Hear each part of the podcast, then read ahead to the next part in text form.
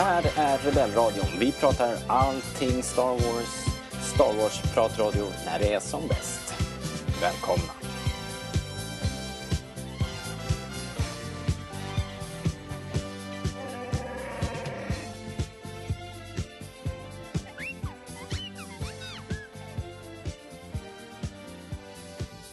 Yes, it's a wrap. Filmen är klar. Ron Howard meddelar idag att Solo, A Star Wars Story, är helt färdig, klappad och klar och det är exakt 30 dagar kvar till den svenska premiären när vi spelar in. Uh, det går fort, det är härligt. Du lyssnar på Rebellradion, det är en svensk Star Wars-podcast i samarbete med starwars.se. Jag heter Robert Lindberg. Och idag, precis som sist, så hälsar jag välkommen till filmregissören och Star Wars-aficionadon och numera även förläggaren eh, Rasmus Tiresitis. Välkommen. Hej! Hej, tack så jättemycket. Superkul att vara här. Ja, det här med förläggare, är det något vi måste... det kanske inte är helt officiell titel, men du har ju i alla fall själv, eh, vad heter det, själv publicerat den här serietidningen nu. Ja, precis. Själv publicerat min eh, fortsättning i serieformat på eh, Star Wars Threads Destiny som var en eh, fanfilm jag gjorde, släppte för nästan fem år sedan. Ja, fem år. Och vi hade ju som sagt massa planer på att göra eh, fortsättningsfilmer och allting men det blev lagt på hyllan och jag hade ingen möjlighet att släpp, släppa de tankarna så då blev det serietidningsformat istället. Ja, det är ganska Vilket bra är ju. betydligt... Ja, ja, absolut. Där är man ju gränslös liksom. Häftigt. Ja, Det krävs betydligt färre ute. folk i alla fall att kunna genomföra det. Ja, precis. Lite smidigare produktion kanske. Ja. Hur är det? Det är en, det är en tjej som tecknar. Ja, precis. En eh, polsk tjej. Just det. Evelina Marskowska heter hon. Coolt. Och man kan se lite, eh, lite bilder på Facebook på den eh, Threads of Destiny-kanalen där. Det stämmer. Om ni undrar hur det ser ut. Det ser bra ut tycker jag. Mm. Jag är riktigt nöjd med hur det har blivit. Och vi har redan bör- påbörjat eh, arbeta på nummer två nu också så att vi hoppas att eh, del två av serien kommer kunna släppas eh, vid sensommar ungefär. Mm. Coolt. Kul. Jättekul ju. Um, all right. Eh, jag har ju glädjen att återigen hälsa Star Wars.ses ägare och chefredaktör också, Fredrik eh, Jonsson. Välkommen! Hej, tack. Hej Fredrik! Eh, hur står det till med dig? Det är bara bra. Finemang? 30 dagar till Ja. solo? Ja, Yes. Spännande. Vi, ja, vi måste börja reda ut det här med vem, vem, var vi ska gå på bio och när och, och var. Eh, för jag tror det blir lättsläpp ganska snart. Kanske nästa vecka. det är hög tid för det. Ja, faktiskt. Nej, vi får se. Men jag blir lite nervös nu när de inte säger någonting om biljetterna. Men det gör de väl aldrig? Så här låter ju du varje år, jag på säga. Ja, jag vet, men det är ju... De kanske glömmer att släppa filmen i Sverige. Ja. ja, bara oh no! Oh, Vad är det crap, we forgot about Scandinavia. Mm. Precis. Eh, Det är en liten bula här i, i försäljningssiffrorna. Vad kan det vara? Eller en liten svacka? En liten, liten, liten svacka. Det måste vara Sverige vi har glömt. Uh, nej, det är väl ingen större risk. Men det var någon som kläckte ur sig på, eh, på våran Facebook att det kanske, de kanske gör det på May the 4th. Att de släpper biljetterna. Och det är väl inte helt omöjligt. Ja, ja, det, är på, ja, ja. det är på fredag tror jag, nästa fredag. Mm. Eller torsdag eller något sånt där. Ah, kanske, kanske. Vi får se vad det blir. Um, jaha, har jag? Jag har den här veckan... Jag har kört lite tyska studier. Jag har lyssnat på en tysk Star Wars-podd häromdagen. Ambitiöst. Eh, Nja, men det är sånt där, man får ett ryck någon gång liksom. Men, då, men då är det nice att lyssna på någonting som man förstår, som man vet vad de pratar om. Så jag lyssnade på deras, eh, jag lyssnade på ett, en som heter Radio Tatooine. Och ehm, eh, ja, men kan jag hälsa till dem? De, jag antar att de sitter och försöker lära sig svenska, så vi kan hälsa tillbaks liksom. Hej på er. Jag tyckte de lät trevliga. De körde sitt Last Jedi-analys och sådär, så då, då förstår man ju liksom lite sammanhanget. Då är det lättare. Jag har ju bara skoltyska, jag kan ju ingenting. Så jag förstod väl hälften kanske. Men det var lite kul. Eh, deras slutanalys och kläm var i alla fall eh, den här eh, Töte nicht was du hast, rätte was du liebst. Som eh, Rose säger i slutet där. Hon, eh, Saving what we love. Och det var väl rätt mycket angående liksom att Fandom blev så delat och sådär. Det var mycket skitsnack eh, direkt efter filmen kom ju och sådär. Många som var upprörda, ska vi säga. Skitsnack kanske är fel, men, men många, som, många som inte var nöjda. Så. Men det kan man ju skriva under på, liksom att fokusera på det som är positivt. Så blir det, blir det lite lättare. Eh, hur som helst. Idag så tänkte jag att vi skulle ta en titt på The Last Jedi och extra materialet i synnerhet då som kom på Blu-ray. Uh, och uh, jag har den på iTunes.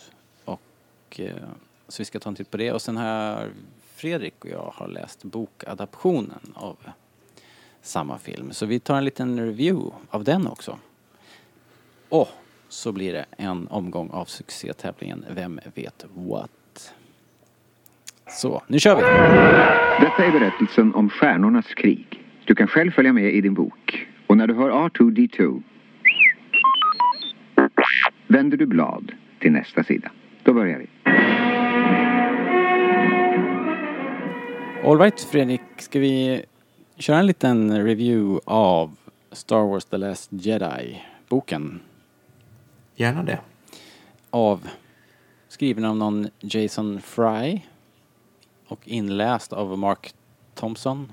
Han läser väl in typ 90% av alla Star Wars-böcker tror jag. Eh, Så jag antar att det är det enda han gör. Eftersom det kommer så mycket Star Wars-böcker. Eh, Jason Fry, vet jag inte, har du kollat upp honom något Fredrik? Eh, Man har ju sett hans namn flimra förbi i alla möjliga sammanhang. Mhm. Men det, det är väl mest lite mer så här barnböcker och lite faktaböcker som jag förknippar honom med. Mhm. De här guideböckerna och sånt där. Mm. Så jag tror att det här är hans första riktiga roman. Liksom. Ja, jag eh, tycker mig ha förstått det också att han... Och ja, med tanke på det så vart det väldigt bra, tycker jag. Men vi kanske inte Ja. ska ta, kanske inte ska ta, kanske inte ska börja med betyget.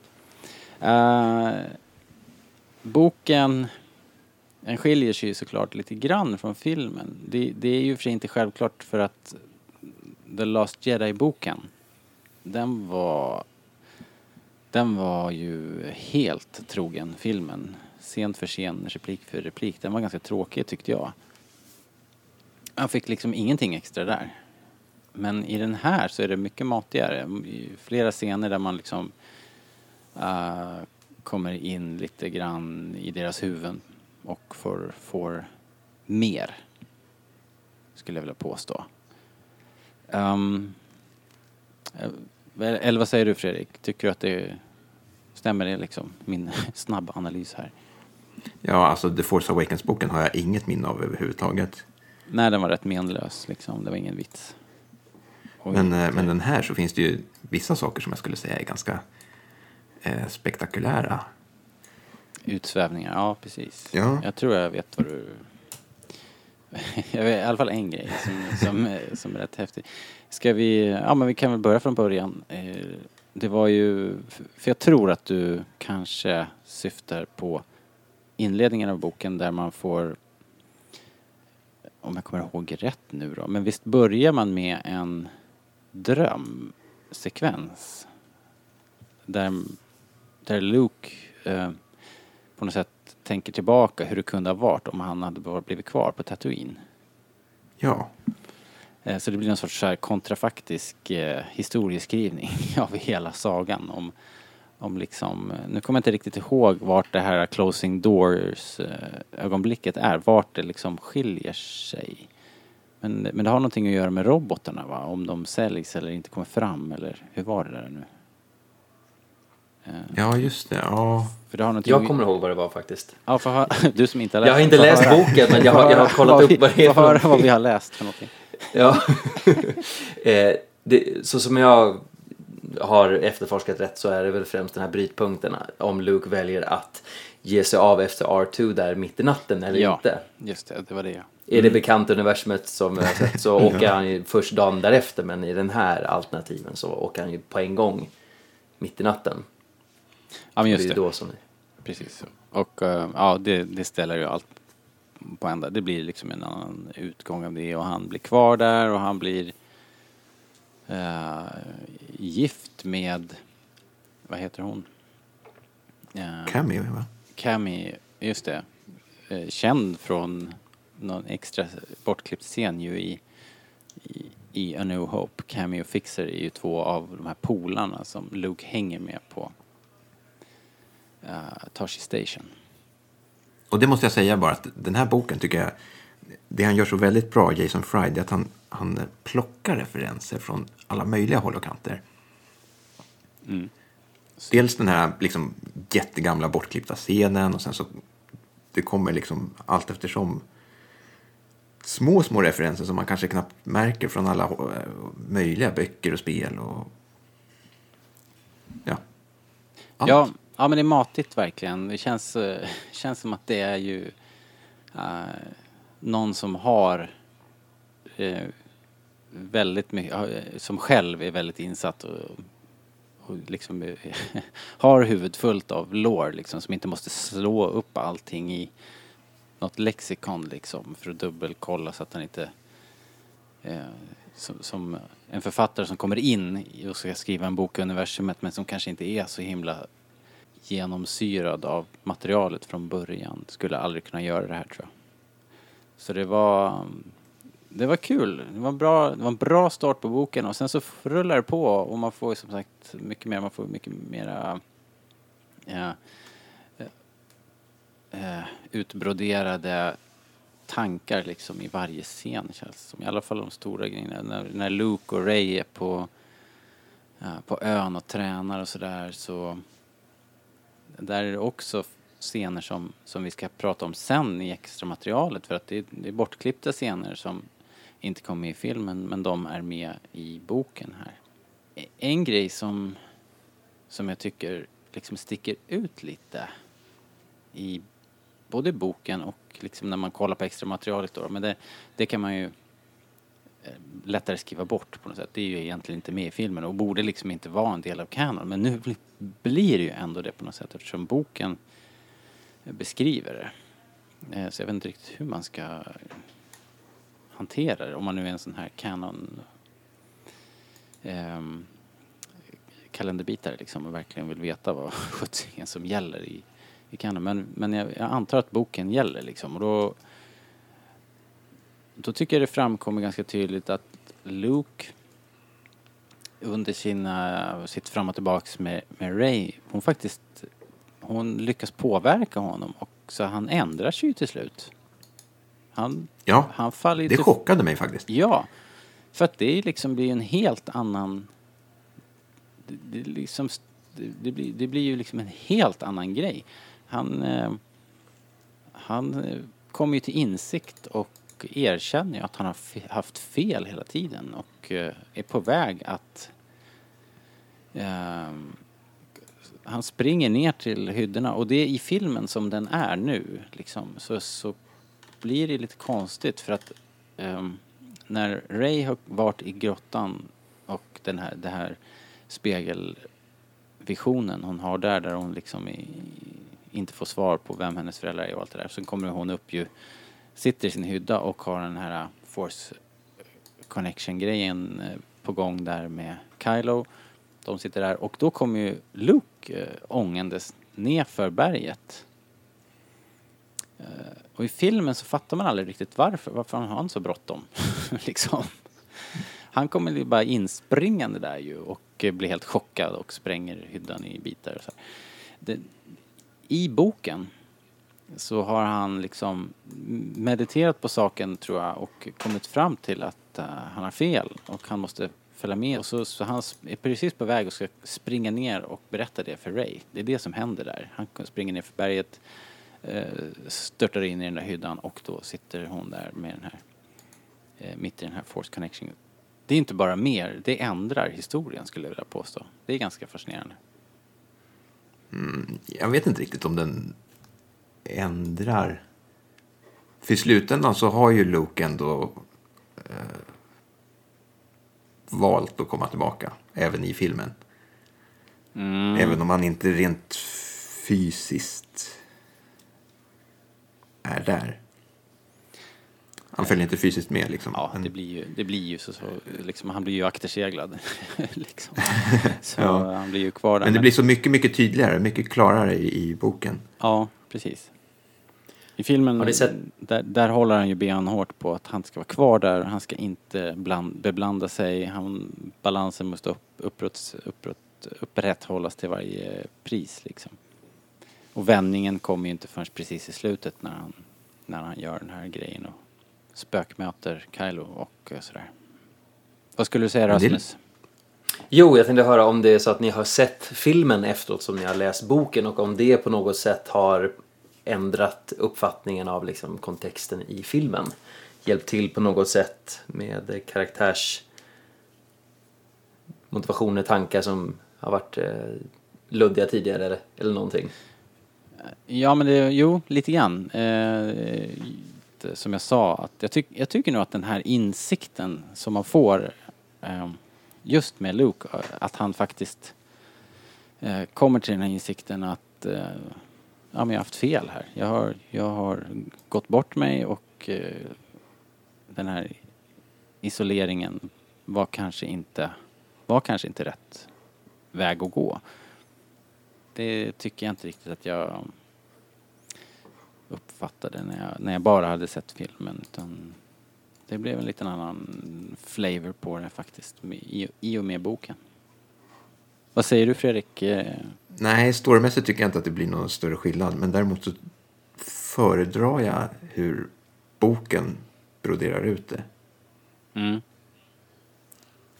För det är ju många som har klagat på Luke och hur han framställs. Ja, exakt. Det är ju det, är ju det också att man får väl, i och med att man får mer här, man får mera av resonemang både, både Luke i, i sin avskildhet och mellan Luke och Ray när de håller på och bollar fram och tillbaka. Så. Är det någon annan scen sådär som du känner att du vill lyfta och prata om i boken? Ja, Jag, jag har två stycken som jag tyckte stack ut lite extra. Ja, utöver de vi har pratat om. Dels så var det eh, en scen med Snoke. Precis innan eh, Ray kommer dit till hans tronrum. Mhm. Där han sitter och funderar lite för sig själv och tänker tillbaka på hur, eh, hur imperiet kraschade liksom och hur, hur de sökte sig ut till de här eh, unknown regions. Ja, Och hur han där liksom plockade upp resterna. Ja, just det. det ger, ger li, lite extra om, om Snoke. Liksom vem han är, hur allting hänger ihop. Mm. Inte så att det är tydligt, inte så att man är så mycket klokare, men, men lite, lite, lite, lite stoff. Ja, precis. Ja, det är ju... Det är alltid intressant och det är också sånt här som folk eh, verkligen har eh, efterfrågat ju. Så att det, det kanske också är en bra idé då om man nu tyckte att det kändes fattigt att, att faktiskt plocka upp boken. Eh, sen gissar jag att du kommer att ta med oss till Canto Bite. Kan det vara något? Kan det vara... Nej? Nej? Nej, Nej? nej. nej. nej. Eh, men om vi ändå ska prata om Cantobite så har jag läst den boken som heter Cantobite. Eh, Ja, just det. Ja, det, är en, det är en helt annan bättre bok. än vad jag tyckte när jag läste den. Eh, jag, jag satt och knorrade lite ett tag, men ja, jag rekommenderar den i alla fall. Det är korta stories va? Det är så här, man, man, de har gjort många sådana böcker genom åren Ja, det- där man följer liksom, det- eh, man liksom betar av alla eh, alla aliens i, i lokalen liksom och alla berättar sin story på något vis. Ja, det är fyra noveller, ja, 80 sidor kanske någonting. Alright, okej. Men i alla fall, nej, den sista eh, grejen från eh, The Last Jedi jag tänkte på, det var precis i slutet. Mhm. Eh, så återvänder man till den här ön. Kommer du ihåg det? Eh, det vet jag inte. Nej. Nej. Luke är borta och kvar är bara de här små vaktmästarvarelserna. Ja, okej. Som ja, fortsätter sitt, sitt liv liksom. Okej. De fortsätter att sköta om ön där liksom. Ja, i väntan på att någon annan ska komma tillbaka och Eh, nej, jag vet inte. Det blir så här när jag, när jag, när jag lyssnar på böckerna så... Eh, det är både en jättebra grej ju, för att det är, det är så himla lätt. Man kan göra det medan man gör något annat. Men det är ju på bekostnad av att man ibland zonar ut och missar några meningar här och där. Eh, tyvärr. Men eh, ja, det är enda chansen för mig att konsumera de här grejerna. Det, det är som det är. Men eh, Annars tycker jag om man nu ska prata om, om, eh, om slutet så är det väl kanske där det haltar mest i den här boken. själva beskrivelsen är där på, på Crate. Ja, jag tror att problemet är att det är svårt att göra något spektakulärt med actionscener i en bok. Ja. Men å andra sidan är de inte så utdragna heller som det kanske blir i filmen. Det går ju ganska, det går lite fortare i boken på något vis. Men det går mycket, mycket fortare. Ja. Det tycker jag i och för sig inte nödvändigtvis är någon nackdel men, men jag förstår vad du menar. Det, det kan kännas lite fattigt kanske. Det blir inte riktigt samma, det blir inte lika pampigt kanske. Nej, det känns, hade jag inte sett filmen innan så hade jag nog inte knappt tänkt med vad storslagenheten var i det här. Nej, okej. Nej, så kan det ju vara också. Nu kommer de i den här ordningen. Förr i världen så släpptes ju böckerna förväg. Ja, så är det ju inte längre. Men, eh, på gott och ont. Um, all right. Okej, vi kanske ska runda av där. Den, eh, jag vill rekommendera den i alla fall. Jag tycker det här är en av de bättre eh, adaptionerna, filmadaptionerna Jag håller bara med. Ja. Ja, men vad bra. Då, ehm, då skickar vi ut en rekommendation helt enkelt till er som eh, möjligen har funderat på att läsa den. Då säger vi köp, köp och läs. I don't want to freak anybody out here, but I think we just made a Star Wars movie.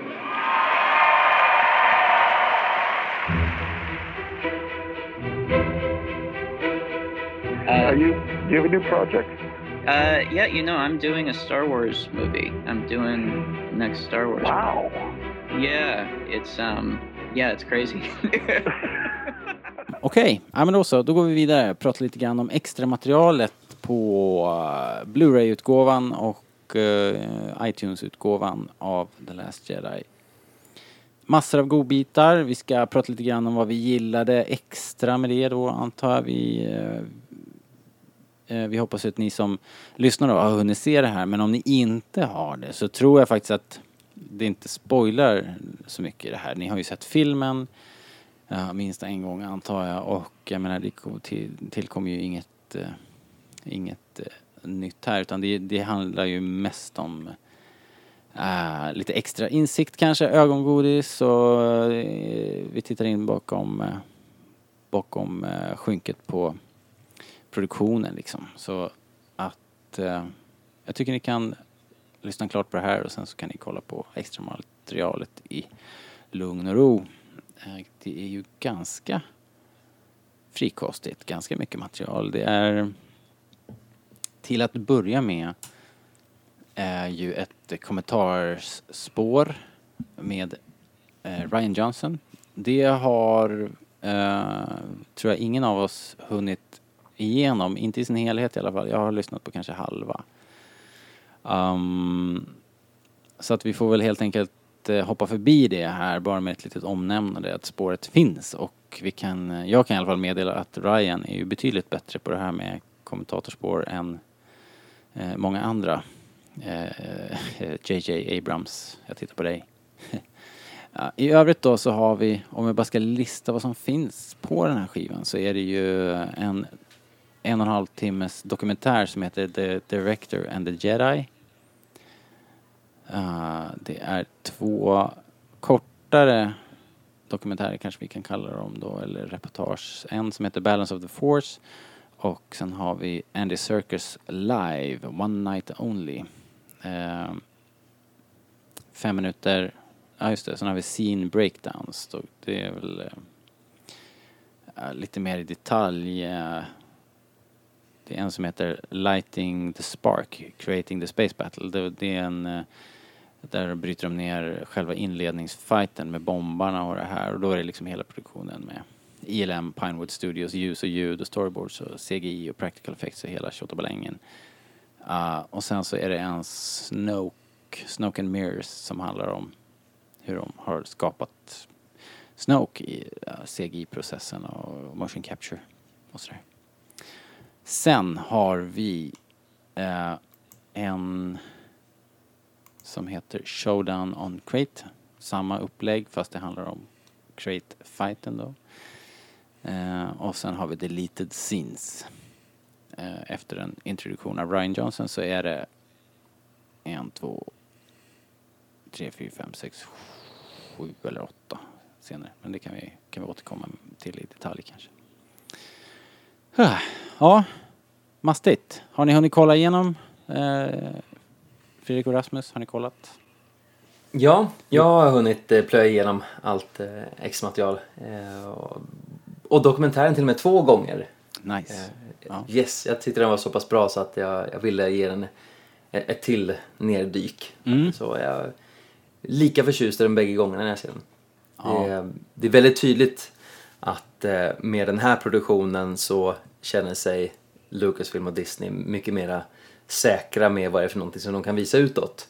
Om vi jämför med vad vi fick se ifrån A Force Awakens, ingenting. Från Rogue One, ingenting. Men eh, här känns det som att ja, men nu har vi typ koll på tåget, hur det här ska styras. Så att ja, men nu kan vi släppa lös en dokumentärfilmare och så vi får titta in lite bakom kulisserna hur ett sånt här mastodontprojekt blir till. Mm. Ja, för det är ju verkligen ett mastodontprojekt. Jag tänker, du som, ändå, du som ändå jobbar lite film och har varit med i många produktioner. Det här är ju skalan på det här. Jag vet inte, man vet ju att det är stora filmer men Mm. alltså det går inte riktigt att föreställa sig. Här får man ju ändå en hyfsad inblick i hur otroligt mycket folk det är på de här mötena, på de här produktionsmötena. Och de då är ju, de är ju avdelningschefer med, med hundratals personer under sig sen i vissa fall. Ja, det, är så häftigt. Jag, gillar ju de här delarna just när vi får följa Ryan och när han pratar tillsammans med sin producent. Och då är det en speciell scen när de pratar om, eh, även om de har en jättestor budget så behöver de fortfarande få plats. De befinner sig inom en låda eller vad man säger. We still have to fit inside the box. För att allting ska få gå ihop. Men sen ändå så dyker det upp scener, scener i den här dokumentären om att oh, vi har fortfarande 44 nya sets som vi måste bygga. Ja. Och varje set är så helt enormt. Det kan täcka en fotbollsplan eller det är Ja. galet. Så det är ju... Det var ju också något som verkligen slog en. Att otroligt mycket som är byggt. Ja, Hela det här... äh, verkligen. du, eh, det här med fotbollsplanen, det, det var ju den här äh, trädet som blixten slår ner i på ön och hela den sidan, hela bergssidan där är ju byggd på en, en, en träställning liksom. Det, det är en, ett enormt bygge och sen var ju, jag hade ingen aning om, men hela den här äh, tronsalen med Snoke var ju också byggd. Ja. Uh, och det här skynket som är, som liksom innesluter hela den där jäkla hangaren. eh, det, var ju, det, det var ju ett riktigt skynke liksom. Helt, Och det började brinna på riktigt också när de spelade in delar av fighten så att det är så otroligt mycket mer Helt som har banan. gjorts praktiskt än vad man först kan föreställa sig. Ja, men det är Star Wars, det är väl gjort i datorn ba, ba, ba, på något sätt. Men ja, ja, men det tänker man ju. Det här är ju så stor skala på. Det är klart att det här är CGI liksom. Den största ha-upplevelsen för min del där tror jag var när just den här scenen som vi pratade om när vi pratade om boken. Just när Luke springer in i hyddan och den exploderar. När han gör en sån force eh, boom där så att den här stenhyddan bara Ja, flyger i bitar.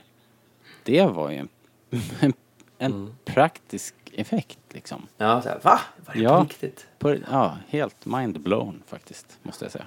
Jäkligt coolt. Jag har till just eh, Guldkorn som jag vill lyfta fram med den dokumentären som jag tyckte var väldigt fantastisk att de faktiskt eh, tog sig med och besvarade eh, hela den här delen med Mark Hamill och Ryan Johnson att de har haft sina slitningar Ja. under filmens gång just med vilket val, vilken väg som Ryan valde att ta Luke.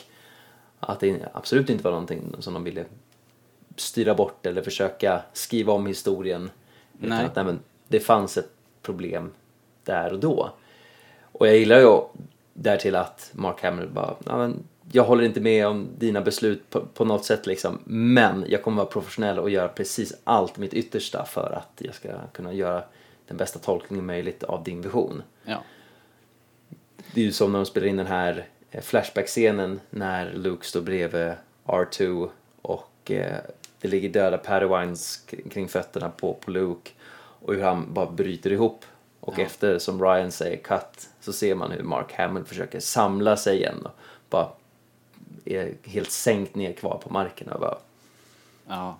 ja det det är just de delarna som man inte riktigt får se för det mesta. De här skitiga, den här ansträngningen som skådespelarna och de andra kreatörerna gör bakom en, en film. Att, Nej, det där är ju någonting helt främmande för en annan som inte, Mm. som inte har den här insynen. Just hur, hur mycket det tar på skådisarna att eh, Mm. sätta sig in i de här scenerna och kanske många gånger samma, samma dag också. Eh, De får Ja. ju göra om det hela tiden, liksom, gång på gång. Men det är så befriande att de vågar visa upp just de Mm. bitarna tycker jag. För det var precis som du var inne på med The Force Awakens och deras extra material. mm. Det var ju så himla insmickrande. Här vågar man ju visa de här bitarna liksom. Där det är lite, det är lite smutsigt, det skaver lite. Mm. Ja, fascinerande faktiskt. Jättekul. Riktigt Ja. bra dokumentär ju. En annan grej som, som jag verkligen, jag höll ju på att bryta ihop, det var ju den här scenen eh, mellan Luke och Carrie, eller Luke och Leia, Mark Ja, och Carrie. Eh, den kändes ju tårfylld, emotionell på riktigt. Ja, de, Där, de såg tagna under ut. inspelningen. Ja, precis, verkligen. Och också bara det relationen som, som Ryan och Carrie verkar ha haft. Liksom. Så förstår man ju att eh, det har tagit ganska hårt liksom. När hon gick och dog sen då. Det kändes verkligen som de kom varandra väldigt nära. Mm. Vilket var ganska plågsamt att se eftersom man, ja men de är ju, de är ju som lyckligast där när de jobbar liksom. Och så vet man vad som precis lurar bakom hörnet liksom. Jag tyckte det var intressant att se den här producenten också, Ram eh, Bergman heter han va? Som är Ryans eh, parhäst. De har väl jobbat ihop hela tiden. Eh, men han verkar ju inte avskräckt liksom. Det här är ju, de säger det är kul när de signerar för budgeten så här va. Ja. Det är- Vän, vänj dig inte vid det här liksom. Man får ju aldrig se några siffror där men det är väl, Mm. då signar de väl på för 250 miljoner dollar eller vad de kostar för någonting. Eh, Just det. eh, men det är klart, han, han är den här Ram Bergman är ju inte ensam producent, de är många men men det verkar ju ha gått ganska smidigt ändå. Inga större katastrofer på vägen verkar det som. Så, och när Kathleen Kennedy säger det på, på avslutningsfesten också, att hon har hon har liksom jobbat med det här, producerat film ja, under hela min livstid i alla fall. Så, och det här är liksom en av de bästa upplevelserna hittills. Då förstår man ju att det här faktiskt var någonting utöver det vanliga. Att det verkligen har funkat. Så man förstår ju att, att uh, hon inte ville släppa Ryan. Att, uh, så det, det har, har sina anledningar till att han blir kvar och skriver mer Star Wars. Um, mm, uh, en fantastisk inblick. Det var, det var kul, som sagt. Jättekul. Jag är ju en sucker för såna här dokumentärer och sånt här material i stort. Men det här var, det här var helt fantastiskt. Jag tycker också att vem som helst kan se den här. Man behöver inte vara ett Star Wars-fan för att uppskatta det här, tror jag. Faktiskt. Nej, just film, filmskapande generellt för att det, det ger ju en väldigt ärlig inblick av Ja, processen. ja precis. En, en, eh, en värld som man liksom inte har någon insyn i just annars. Så att, så att coolt. Um, sen måste jag säga också, det som slår mig är att det är imponerande att Ryan liksom aldrig riktigt tvekar. Han, han verkar ju stå på en enormt stadig grund liksom. Både då och särskilt nu efteråt också. Han tror ju verkligen stenhårt på filmen och han står upp för alla sina val och alla beslut. Och det är ju liksom, jag tycker det är bra. Det är, det är liksom inte som att han är obstinat liksom bara. Utan han har ju verkligen tänkt på det här noga och han har ett svar på alla frågor liksom. Så att sen om man gillar filmen mer eller mindre, det är, det är ju en annan sak. Det är ju Eh, i våra, eh, som ett fan, alltså, eller som Mark, liksom, man kanske hade gjort an, andra val. Men Ryan han har valt sina scener och sina klipp med omsorg. Och sen handlar det ju mer om förväntningar på den som tittar och om man köper eller inte antar jag. Det har vi pratat om eh, i timtal förut. Liksom. Men, men just det att jag, jag tycker det är skönt att han verkligen är grundad och står stadigt faktiskt. Sen har han ju en liten dokumentär som heter Balance of the Force. Eller dokumentär, det är mer som en föreläsning i kraften. Eh, Ryan sätter oss i skolbänken. Har ni sett den här? Den är ju nästan lika bra tycker jag. Ja.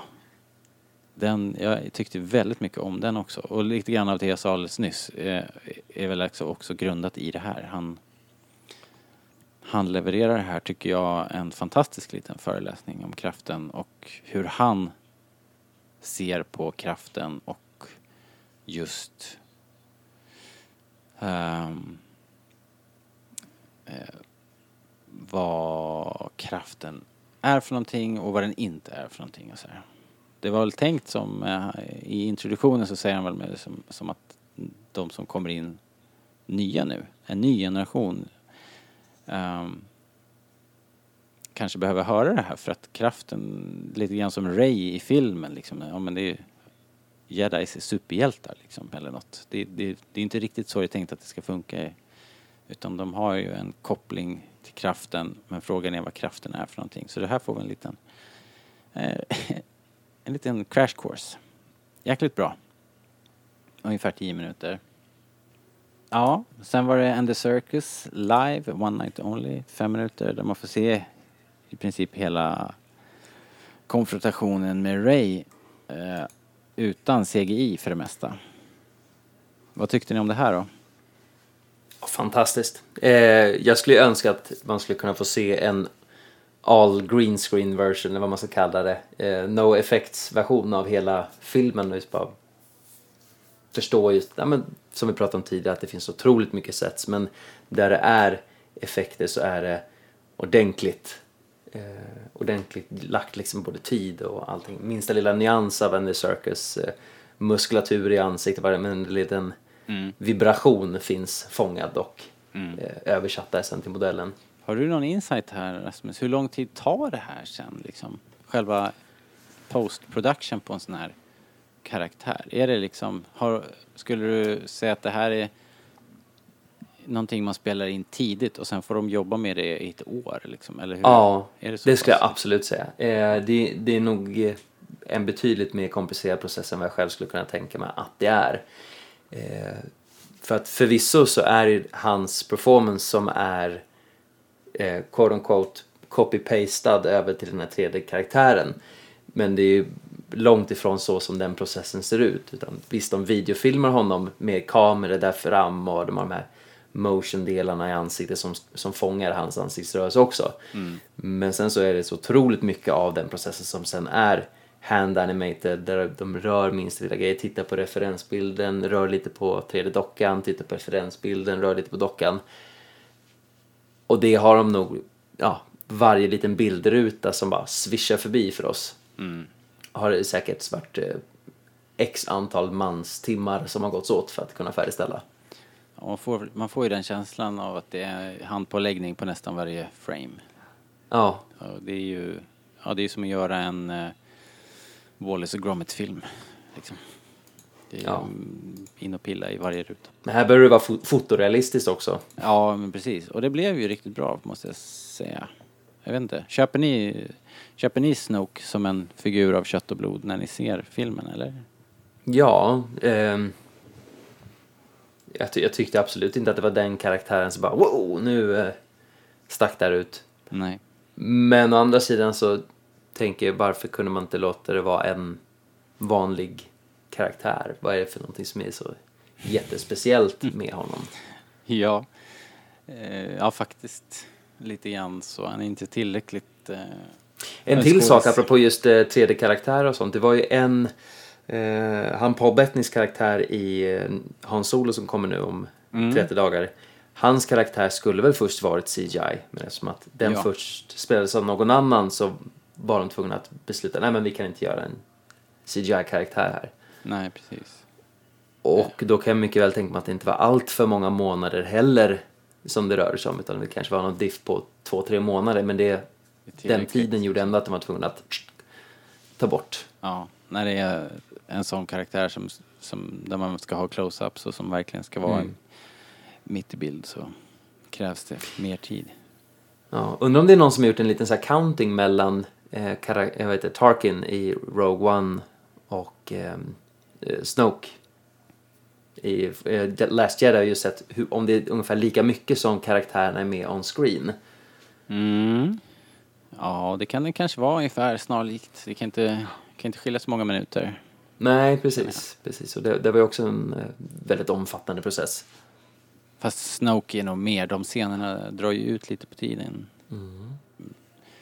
Nu är ju inte Snoke i bild kanske hela tiden. Just om man tänker nu de här konfrontationerna med både, det är ju, det är ju flera scener där han, först träffar han ju ehm, Hux. Hux. Mm. Eller hur? Det är ju först ett möte med de två och sen så är det ju när Raid kommer till Superstar Destroyer också. Så det är, jag tror nog att vi ska, om vi skulle klocka det så tror jag nog att Snoke är mer i bild. Mm. Får bli en googlingsökning helt enkelt. Ja, du vet hur det är. Om det ska bli gjort så får du göra det själv. ja, Eh, Intressant, men jag måste ändå säga att den här processen är ju inte lika fascinerande tycker jag ändå att se på så här. Det, det engagerar mig inte på samma sätt som den, de andra delarna och eh, de här Lighting the Spark där man får se hur de har skapat eh, Space Battle. Där är mycket mera olika typer av tricks eh, inblandat där man har både explosioner, där man har CGI förstås och man har skådespelare som klättrar omkring på sets och allting ska liksom klippas ihop till en, en scen. Det tycker jag är mer fascinerande än den här processen med Snoke. Men det jag tyckte det var coolt att se när de gjorde den här grejen på Crate, saltplaneten, att de faktiskt hade åkt till Bolivia, tror jag det var, till någon saltöken. Eh, generellt sett så tycker jag att det är mindboggling hur mycket tid de lägger. De åker och de är on location och de tar de här, de fotograferar plåtar för bakgrunder på plats on location, både där och de var ju och hela det här i Canto Bite, allt jobb som är lagt där liksom med alla kläder och alla monster som knappt får någon screen time liksom. Det är sånt otroligt jobb, så många timmar. Och de byggde ju om en hel jäkla gata i Dubrovnik och liksom, det liksom syns ju knappt. I filmen. Eller ja, det syns, men du vet, det svischar förbi liksom.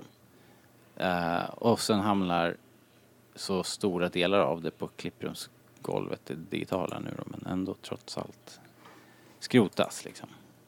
Det är ju... Det jag inte riktigt förstår det är just varför de åkte till Dubrovnik och varför de byggde om en gata där istället för att, ja men, vi har Pinewood Studios, vi fixar en 200 meter lång gata här och spelar in den scenen här. Ja, eh, ja men exakt. Eller som när de flög ut den här eh, enorma sjökon liksom till en klippa i Irland liksom. Ja. Eh, Och den scenen var ju superviktig att ha istället för Luke som är ledsen över att Han är död. Så att, ja. Ja, eh, väl investerade pengar liksom. Man måste ju ha en sjöko. Det säger sig självt. Eh, 30 sekunder med Mark Hamill och vad det nu kostar liksom med filmteam och hans gage liksom motsvarande fly, flyger dit sjöko till Irland och tajma med team och allting. Absolut, jag förstår varför man vill ha sjöko. Eh, också helt eh, mindboggling, hela processen. Eh, själva logistiken, att få, den ut, få ut den där på plats, först skapa hela den här grejen. Också helt byggd ju, ända upp. Det var ju liksom coolt att vara puppeteers som körde den och blåste ut eh, fukt ur näsblåshål och grejer. Det var ju, alltså, eh, Jag vet inte varför jag blir så förvånad egentligen. De har ju inte pratat om något annat än att det är så mycket praktiska effekter. Men ändå känns det som att de har gått above and beyond. Eh, fascinerande. Måste jag säga. Nåja, eh, Deleted Scenes. Eh, där hade vi först en introduktion av Ryan Johnson. Eh, en alternate opening eh, med eh, eh lite mer utdragen opening där vi liksom får se, vi landar på eh, den här kupolen där Finn ligger under. Att eh, illusionen skulle vara att det var en planet och precis i, som i klassisk Star Wars-stil att man liksom panorerar ner och så är det en planet. Men aha, det är ingen planet. Det är en plastdom under vilken vi har Finn. Det var ju tanken då, men den, den skrotades och det var bra tycker jag. Det var eh, ingen höjdaröppning, alldeles på tok för lång, precis som man säger också. Tyckte. Jag tycker det är så, så kul med den eh, kommentaren på, på just den scenen. För Ryan Johnson säger ju själv att Åh, det här är en sån smart idé. Ja. Det är en sån smart idé. Han tycker själv att den är så himla smart. Han liksom. tyckte själv att han hade varit så himla smart. Ja. Ja. Fast det, Han fick, väl, han vi- fick väl sitta och välja där vid klipprummet att hmm, vill jag ha den här domen då som man först tror är en planet men det visar sig vara den som innehåller Finn eller ska jag behålla mitt strykjärn som man först tror är ett rymdskepp men nej det är ett strykjärn. Ja. Nej, men jag måste erkänna, jag, jag tycker att den är ganska, det är en ganska roligt sätt att öppna filmen. Men Ja. jag, jag föredrar nog den här lite mer klassiska. Jag förstår precis vad han menar också. Jag, tyck, jag tycker, jag hade säkert varit supernöjd själv. Det var, för det var en ganska rolig idé. Men sen när man ser, ser det så, ja. Då är det inte perfekt och det, det funkar dåligt. Så att det vart ju bättre. Som det blev. Eh, sen var det en kort scen, eh, Page Guns, eh, Pages Gun Jams. Eh, det var ju ett väldigt kort klipp. Eh, det enda jag kan säga att jag tänkte var att jag vet att jag sett några stillbilder tidigt från just den scenen. Och man kan väl säga att det smö har ju också smugit sig in i trailar, klipp eh, från scener här som varit bortklippta, vet jag. Efter den så har vi en scen som heter Luke has a moment. Mm. Eh, av alla de här scenerna så tycker jag att den här var den som var finast och som jag hade varit fint att se i den färdiga filmen. Eh, Ja, jag faktiskt. håller helt med. Ja, jag, jag har lite svårt att se varför man valde att klippa bort just den. Ja, vad jag kunde förstå av kommentaren var väl bara att den helt enkelt inte riktigt, liksom riktigt klickade i de här korsklippningarna mellan de olika det, eller så var det tänkt, hur var det, det skulle göras fler korsklippningar, hoppa mer mellan locations. Men sen så gjorde man inte det och då fick de inte in den här helt enkelt. Så kan det ju bli liksom. Men det var ju synd, för det är en jätte, jättefin scen. Ja, de hade gärna fått kämpa lite mer för att ha den kvar. Mm, Det är så himla fint när de klipper från, från Mark också, hans skådespel och sen till Carrie som Ja. gör någonting liknande. Ja. Liksom. Precis. Absolut. Ja, som sagt, av alla de här så hade jag, hade jag kämpat för den, helt enkelt. Eh, sen var det en uh, scen som heter Poe, Not Much of a Sower. Uh, sower stavas som sewer, tror jag. Alltså som avlopp. Eller? Är det samma stavning? Så jag fattade först inte vad det är frågan om. Men jag fattade först ingenting. Men sen, det handlar ju om att eh, Poe har um, lagat jackan som gick sönder då när, när Poe, eller när, när Finn fäktades mot Kylo Ren i skogen i den förra filmen. Eh, så det är väl väldigt sött eh, och eh, spär ju på såklart de här romansryktena mellan Poe och, och Finn. Eh, det kunde väl inte vara så mycket tydligare eh, egentligen, får man väl säga. Men nu kom det inte med då i film. Lite Jag tror att främst att de klippte bort den scenen var väl att de inte ville att folk skulle fokusera lite för mycket på att hmm, Finn fick en lightsaber i, som sliced upp hela hans rygg och eh, han blev medvetslös på kuppen. Men här är jackan liksom, den har vi sytt ihop. Jo, men han har ju legat i, han har ju legat sin jättelänge. Ja, så det är inte så konstigt. absolut. Han är hel. Ja. Vi har sett svårare skador Mm. eh, i Star Wars. Ehm, sen var det en eh, liten scen som är It's kind of weird that you recorded that. som Ja, är, det. som, som är BB-8 som försöker muntra upp Finn genom att visa eh, han har smygfilmat Ray när hon säger hej då till, till Finn. Eh, så det var kanske lite creepy. Det var kul att scenen hette att det är kind of weird. Att du har spelat in det där.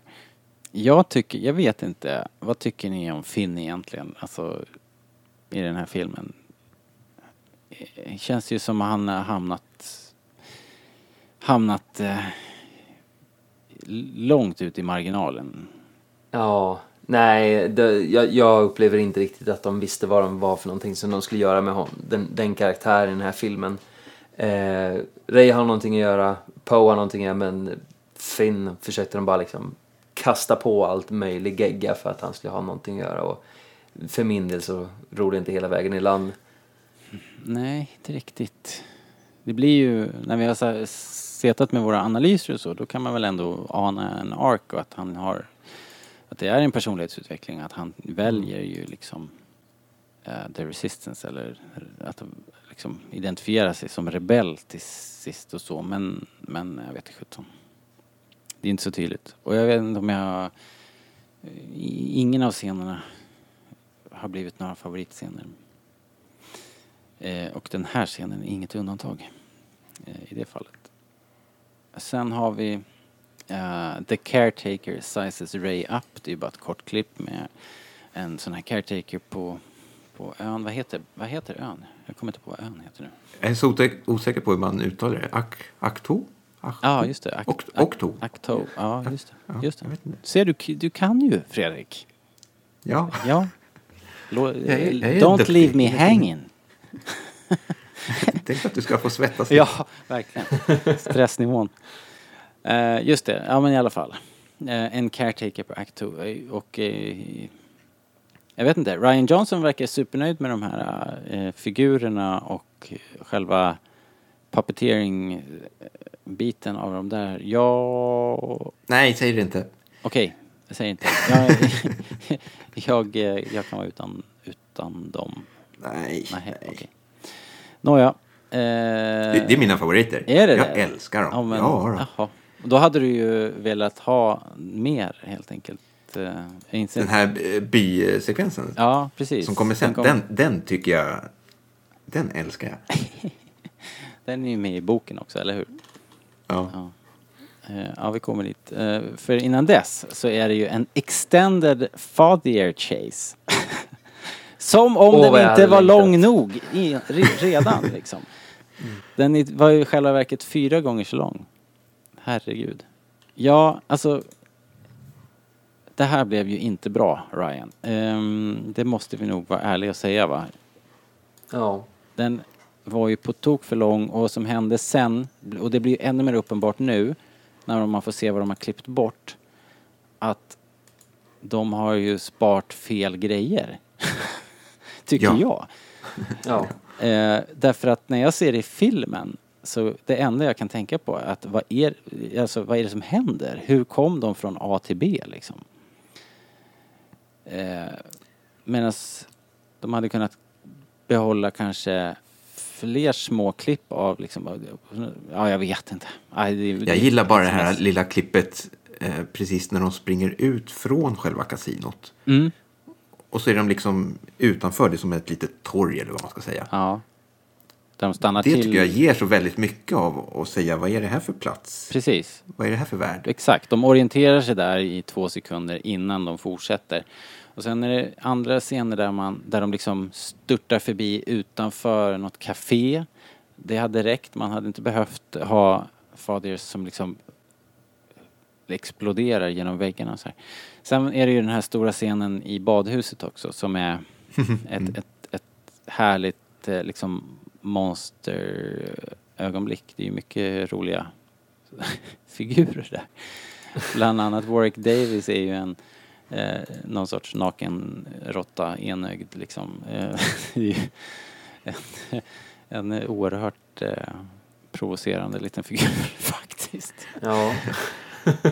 Där kan jag säga igen, om man gillar den figuren så man ska verkligen läsa den här Canto Bite-boken. Eh, Ja, just det. Du har ju sagt... För han är med i eh, en av de novellerna. Du har Och- nämnt den här figuren flera gånger, Fredrik. Ja, ja, jag tycker den är fantastisk. Ja. Och novellen är jätte, jättebra också som man förekommer i. All right. Okej, ja, jag får läsa den biten där. Jag får väl låna boken av dig. Vad heter den här lilla liran då? Eh, Kedbin Choklop. Ja, bra namn. Tjocklopp. Är inte lite konstigt Warwick Davis? Han brukar alltid ha W. Ja, just det. Det kanske var den, han, är, han var väl också den här lilla kruppiären, så han kanske, den kanske heter något med W. Tror jag. Eh, ja, ja, som sagt, det här vart ju, det vart, vart för långt och jag tycker inte att de lyckades få ihop det eh, till sist. Men, men. Sen är det ju en annan lång sekvens, en Megastroy Incursion. Ehm, ja, jag älskar bitar av den här sekvensen också. Eh, precis som jag gillar vissa delar av den här Father Chasen så gillar jag verkligen vissa delar av den här eh, sekvensen på Megastar Destroyern. Faktiskt. Den här hade jag nästan också önskat att den var med, nästan i sin helhet. Jag tycker de tar det här skämtet i hissen för långt på slutet, men annars är det ju riktigt nice tycker jag. ja, den kommer inte riktigt till någon poäng heller. Just den delen. Nej, det faller Ja. helt platt liksom. Mm. Det hade väl kunnat bara vara att de fick stå där och svettas i en hiss full med stormtroopers. Det hade varit, det hade varit tillräckligt, eh, liksom, eh, det är någon sorts humor i det liksom. Nåja. Eh, men vad säger ni om den här sekvensen? Ryan ju, var ju väldigt förtjust i den här och, och eh, det var väl också på håret att den kom med. Det syntes ju att den var väldigt färdig. Eh, men det är ingenting ni saknade i filmen eller? Nej, om, om jag får välja mellan eh, Canto Bite och eh, vad, vad de skulle spendera mest tid på om den här Superstar Destroyern så tycker jag definitivt Superstar Destroyern är betydligt mer intressant och spännande för det fin- finns liksom den här laddningen hela tiden att de kan bli upptäckta. Ja. Ja, precis. Och det hade varit kul att se mer av eh, Del Toros DJ-karaktär där också. Kanske, han- nu fick han inte så jättemycket att göra ändå kanske i, i de här klippen. Men, Alltså jag tycker inte den tillför så mycket, den här scenen. nej, det gör den ju egentligen inte kanske. Det är väl bara att det, det, det går ju... Ja, Det enda den bygger upp det är väl den här äh, officeren som är dem på spåren. Ja, men precis. För det känner jag lite i filmen, att han bara dyker upp helt plötsligt. Ja, men exakt. Precis ja. Just det. Det är ju den killen som dyker upp där till sist. Som fångar dem. Just det. Det, det tänkte jag inte på, men det är det såklart. Um, det är ytterligare två, uh, två, tre scener här på, i fortsättningen på Star Destroying. Det är ju Rose bites the hand that taunts her, där hon, det är bara en längre sekvens när de är fångade där med, uh, där Hux står och uh, trackar Rose och, och eh, det slutar med att Rose biter honom i fingret. Vilket leder till ännu ett, eh, någon sorts slapstick moment med Hux. Så det gör ju ingenting tycker jag att de kapade. För min del. Nej. Eh, sen har vi en rätt stor grej tycker jag. Uh, Phasma squealed like a hoop hog. Eh, det här är ju ett annat slut, ett alternativt slut för Phasma. Jag gillar det här mycket bättre än det som hamnade i filmen faktiskt. Vad säger ni? Ja, jag håller med dig. Eh, det, det blir en mer finess med he- hennes död. Att hon, byggs upp mer som en eh, ynkrygg som eh, Ja. vänder minsta situation till sin fördel. Ja. Eh, men i slu, slutgiltiga filmen så får man inte alls det skenet utan eh, nej. Nej. Hon bara föll ner i ett hål. Ja. Där bygger man ju... Som filmen blev så tänker man ju att det här... Att det, det är bara... De ska gå en sista rond liksom. Och sen är det klart. Här får man ju... Eh, lite mer av hennes... Man, man får höra vem hon är på något sätt. Eh, lite backstory, lite exposition där på ett kul sätt. Och har man läst boken så, Fasma-boken, så, så knyter ju det an också jättebra liksom.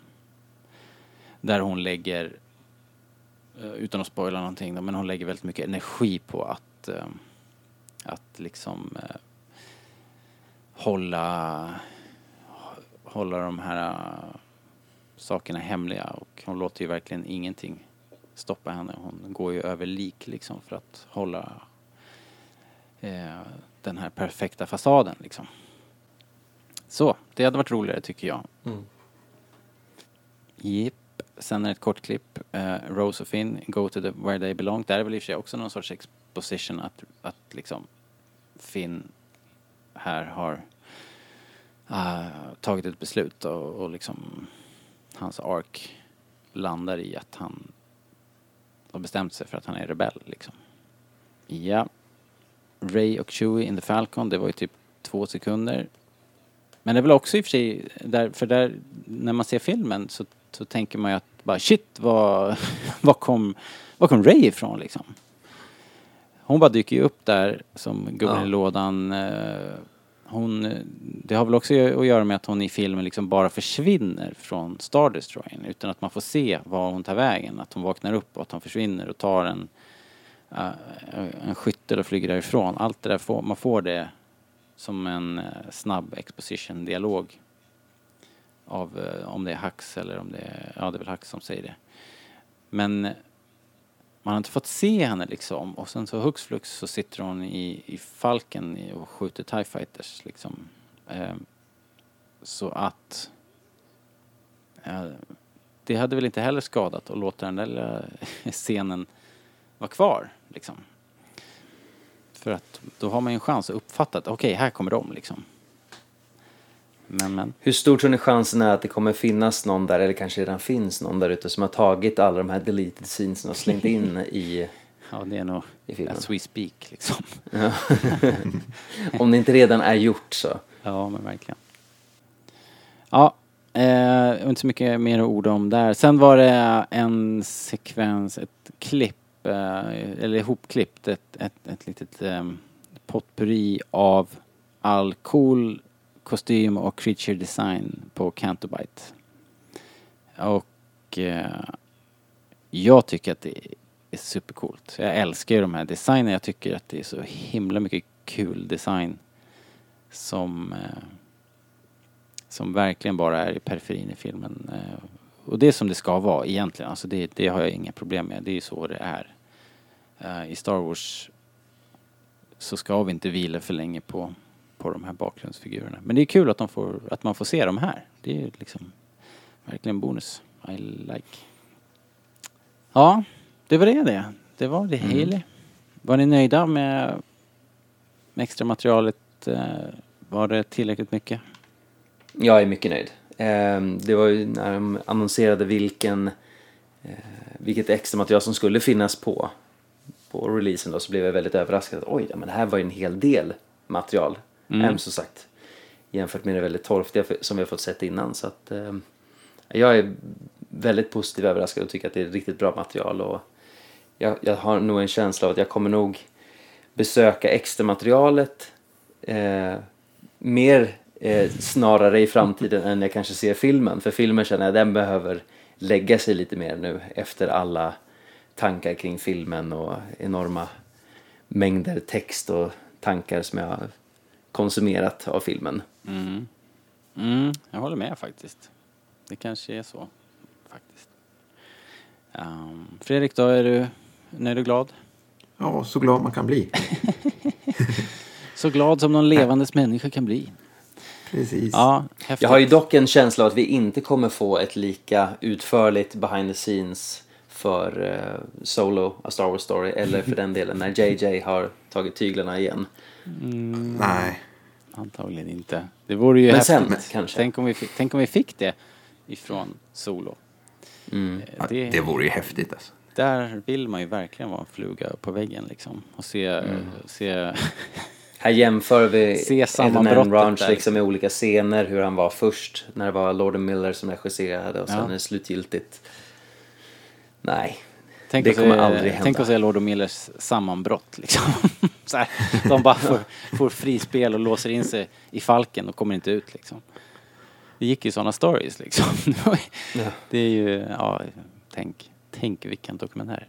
Det är en prisvinnare. Då borde släppa allt. Men samtidigt tycker jag man visar här att det är inte så himla farligt att visa. Nej, eller hur? Så jag håller fortfarande en tumme för att det kommer någonting. Ja, det skulle väl i sådana fall vara att de här eh, Lord Millers eh, agenter och deras folk inte känner att det är alltför missunnsamt för deras del om det skulle Nej. exponeras liksom med den vinklingen. Men vem vet, det kanske går att göra en fantastisk balans där man känner att båda parterna har fått ehm, säga till lika mycket. Nej, ja, jag tror inte det. Jag tror inte de vill... De, de vill nog inte grotta i det. Eh, men, men, vi, vi kan ju alltid hålla tummarna. Vi kan ju bara nämna, apropå Solo, att det har ju, det har ju kommit en hel drös TV-trailers. Um, ehm, och jag har ju sagt att jag ska försöka hålla mig spoilerfri och sådär, men jag har sett allt. jag har sett allt. uh, med det sagt så tycker jag inte att de har spoilat så mycket. Det är, det är som vanligt. De, de tar ungefär samma scener och så får, startar de den. Alltså man får, man får bara lite, lite, lite mer. Men risken är att man till slut har hela scenen. Eh, och eh, så går man över gränsen och så blir det för mycket. Men jag tycker inte att jag, det känns inte så nu. Jag, jag tycker bara att det har blivit bättre och bättre. Det har varit lite olika stuk på trailrarna också. Har ni, har ni konsumerat de här eller? Absolut, ja men de har en eh, riktigt fräsch och modern känsla. Bara som den här senaste, den är väl 37 sekunder och den här rytmen.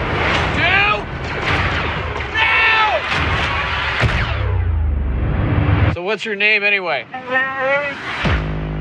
Hey kid, there's a big shot gangster. He's putting together a crew. You think everything sounds like a bad idea.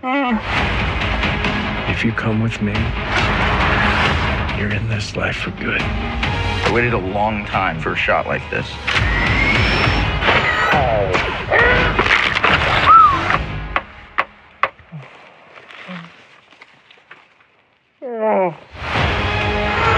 I got a really good feeling about this. Yes. Eh, Det är den när, de, exakt när, de, när det avslutar med korten, när han visar korthanden handen för Chewie. Ja, ja exakt. exakt. Så jäkla roligt. Chewies... eh, Nej men jag, jag, jag diggar eh, allt jag face. sett marknadsföringsmässigt. ja. Nice. Du då Fredrik, hur gör du? Har du sett? Nej? Nej, Nej. jag zonar ut här medan ni Ja, just det. pratar. La, la, la, la. Ja, nej, vi ska inte Ja. prata om det då. Jag tror Ja, inte nej, att om du det skulle komma tillbaka- en till trailer att jag skulle se den faktiskt. Utan då börjar jag säga, nej nu, nu får det vara bra, nu vill jag se filmen istället. Ja, det, det, vi har ju snackat om på nätet, att, eh, på Facebook, att det borde komma en internationell trailer. Den, den har inte dykt upp, den lyser med sin frånvaro. Det brukar alltid komma någon som är specialklippt för typ den asiatiska marknaden eller någonting. Men eh, något sånt har vi inte sett än. Och kommer den så kommer jag nog faktiskt hoppa över den. Tror jag. Vi får väl se. Uh, hörni, vi måste gå vidare. Vi har ju en, eh, vi har ju en frågesport att beta av också. Jag vet att ni är supertaggade så vi, vi kör utan further delay. Eh, vem vet what? Hej, hej! Välkomna till Vem vet... Don't get technical with me. Yes, okej. Då ska vi köra. Jag presenterar tre Star Wars-påståenden eller fakta och det är ert jobb och lyssnarnas jobb att bena ut vilket påstående som är falskt. Alltså, ett påstående är falskt, vilket är falskt. Och idag så har vi en Mark Hamill Fun Fact specialare. Eh, Mark hade eh, under veckan innan Blu-ray-releasen en eh, rolig serie med tweets där han liksom delade med sig av en massa roliga Star Wars-minnen och fun facts. Uh, flera av de här hade jag märkligt nog inte hört förut. Uh, så att nu ska vi se om ni har varit uppmärksamma på era social media-flöden då. Uh, jag känner att ni har en god chans att klara av det här. Ni är ju eh, ni lever ju eh, för Star Wars. Så att jag jag har en känsla av att ni kanske, kanske knäcker det här. Men eh, ja, vi får väl se då. Um, så här låter de då. Fun fact nummer ett. The name change to Skywalker came late enough in the production that we had to reshoot the scene where I liberated the princess from her cell. We had already shot it using the original line I am Luke Starkiller. I'm here to rescue you. Fun fact number två. When I climbed inside the dewback outside the cantina in Tunisia, there was a crowbar to lift its head, and it was covered in newspaper papier mache, including a review of a David Bowie concert in Paris, which I read by flashlight. Odd, but true. Och fun fact nummer tre. The X-Wing cockpit in Star Wars was pretty flimsy and I actually accidentally put my foot through the side of it. I told Ryan the story. He was delighted and wrote the scene of Poe putting through put his, putting his foot through the speeder floor in this one. A fun tribute, I thought. All right, eh, Fredrik, you go first. Oj! Yep. Eh, ja, vad spännande. Eh, vilka knasiga påståenden. Uh, jag tänkte resonera lite snabbt så här. Att vi har ju konsumerat väldigt mycket The Last Jedi den senaste tiden. Och jag har inte hört någonting om det där tredje påståendet. Uh, så jag säger att det är falskt. Eh, att nummer tre är falskt. Ja. Okej, det är noterat. Vad säger du då Rasmus? Hur låter det här för dina öron? Ja, jag skulle nog säga att eh, för min del så låter eh, fun fact nummer två, det låter bekant. Fun fact nummer tre låter också bekant. Just att det var en väldigt så här, bräcklig kuliss de använde för att spela in X-Wing cockpiten. Så jag skulle nog säga att uh, fun fact 1, den här reshooten I'm Luke Starkiller, är den som är falsk i den här frågan. Mhm. Ja, Okej, det är noterat. Då ska vi se. Då tror jag vi, eh, då tar vi dem i en random order här. Fun fact nummer två. When I climbed inside the dewback outside the cantina in Tunisia, there was a crowbar to lift its head and it was covered in newspaper pache- papier mache, including a review of David Bowie's concert in Paris, which I read by flashlight. Odd but true. Detta är, mina vänner, sant. Så den var sann. Eh, du, du, du. Spännande. Mm. Eh, fun fact nummer ett. Uh, the name change to Skywalker came late enough in the production that we had to reshoot the scene where I liberated the princess from her cell. We had already shot it using the original line I am Luke Starkiller, I'm here to rescue you. Detta är sant.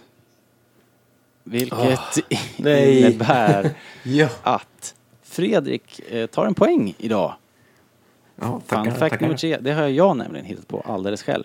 Att eh, X-Wing cockpit, cockpiten eh, var så eh, flimsigt byggd att Luke eh, trampade igenom den.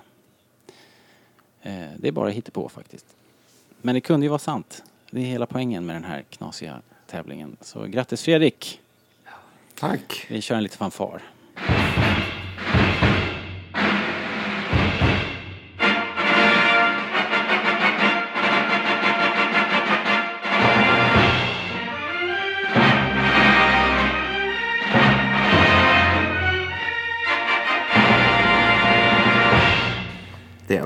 Ja, verkligen. Som du, som du har slitit med de här frågorna. Ja.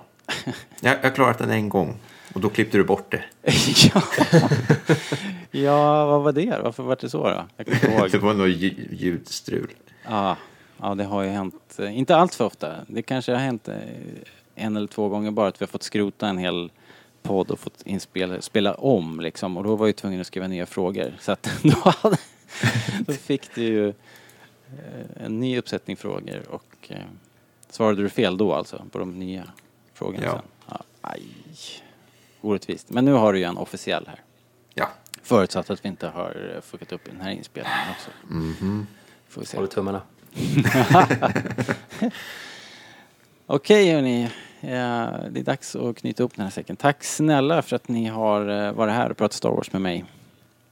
Tack själv. Jättekul. Tusen tack. Ehm, ni som använder iTunes, passa på att ge oss femstjärniga betyg. Gör det nu, inte sen.